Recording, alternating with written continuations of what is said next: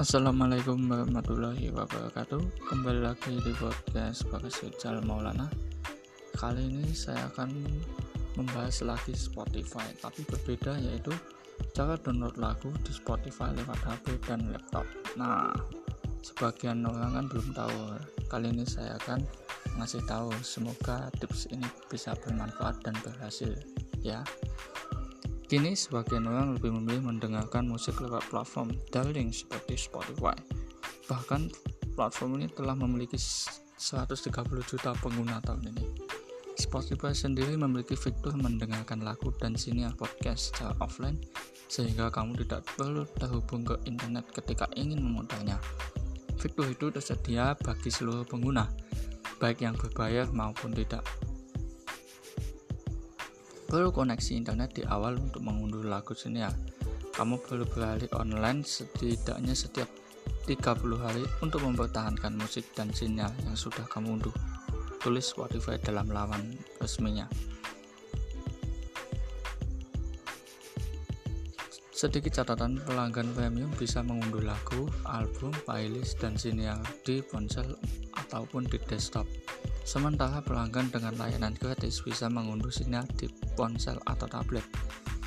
Spotify menulis kamu bisa mengunduh sampai 10.000 lagu di setiap perangkat di lima perangkat yang berbeda.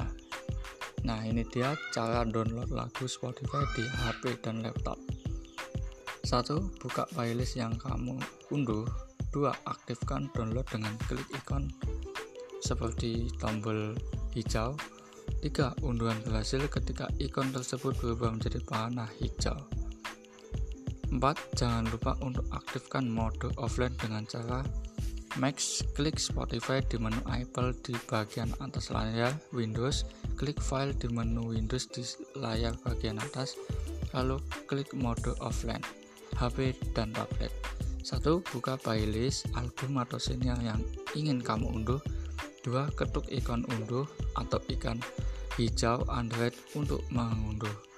Catatan, panah hijau menunjukkan unduhan berhasil sinyal yang sudah kamu otomatis akan tersimpan ke koleksi kamu. 3.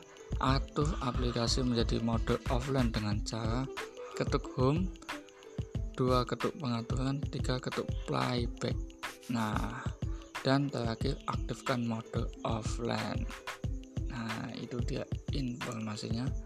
Semoga bisa memberi manfaat pada teman-teman semua.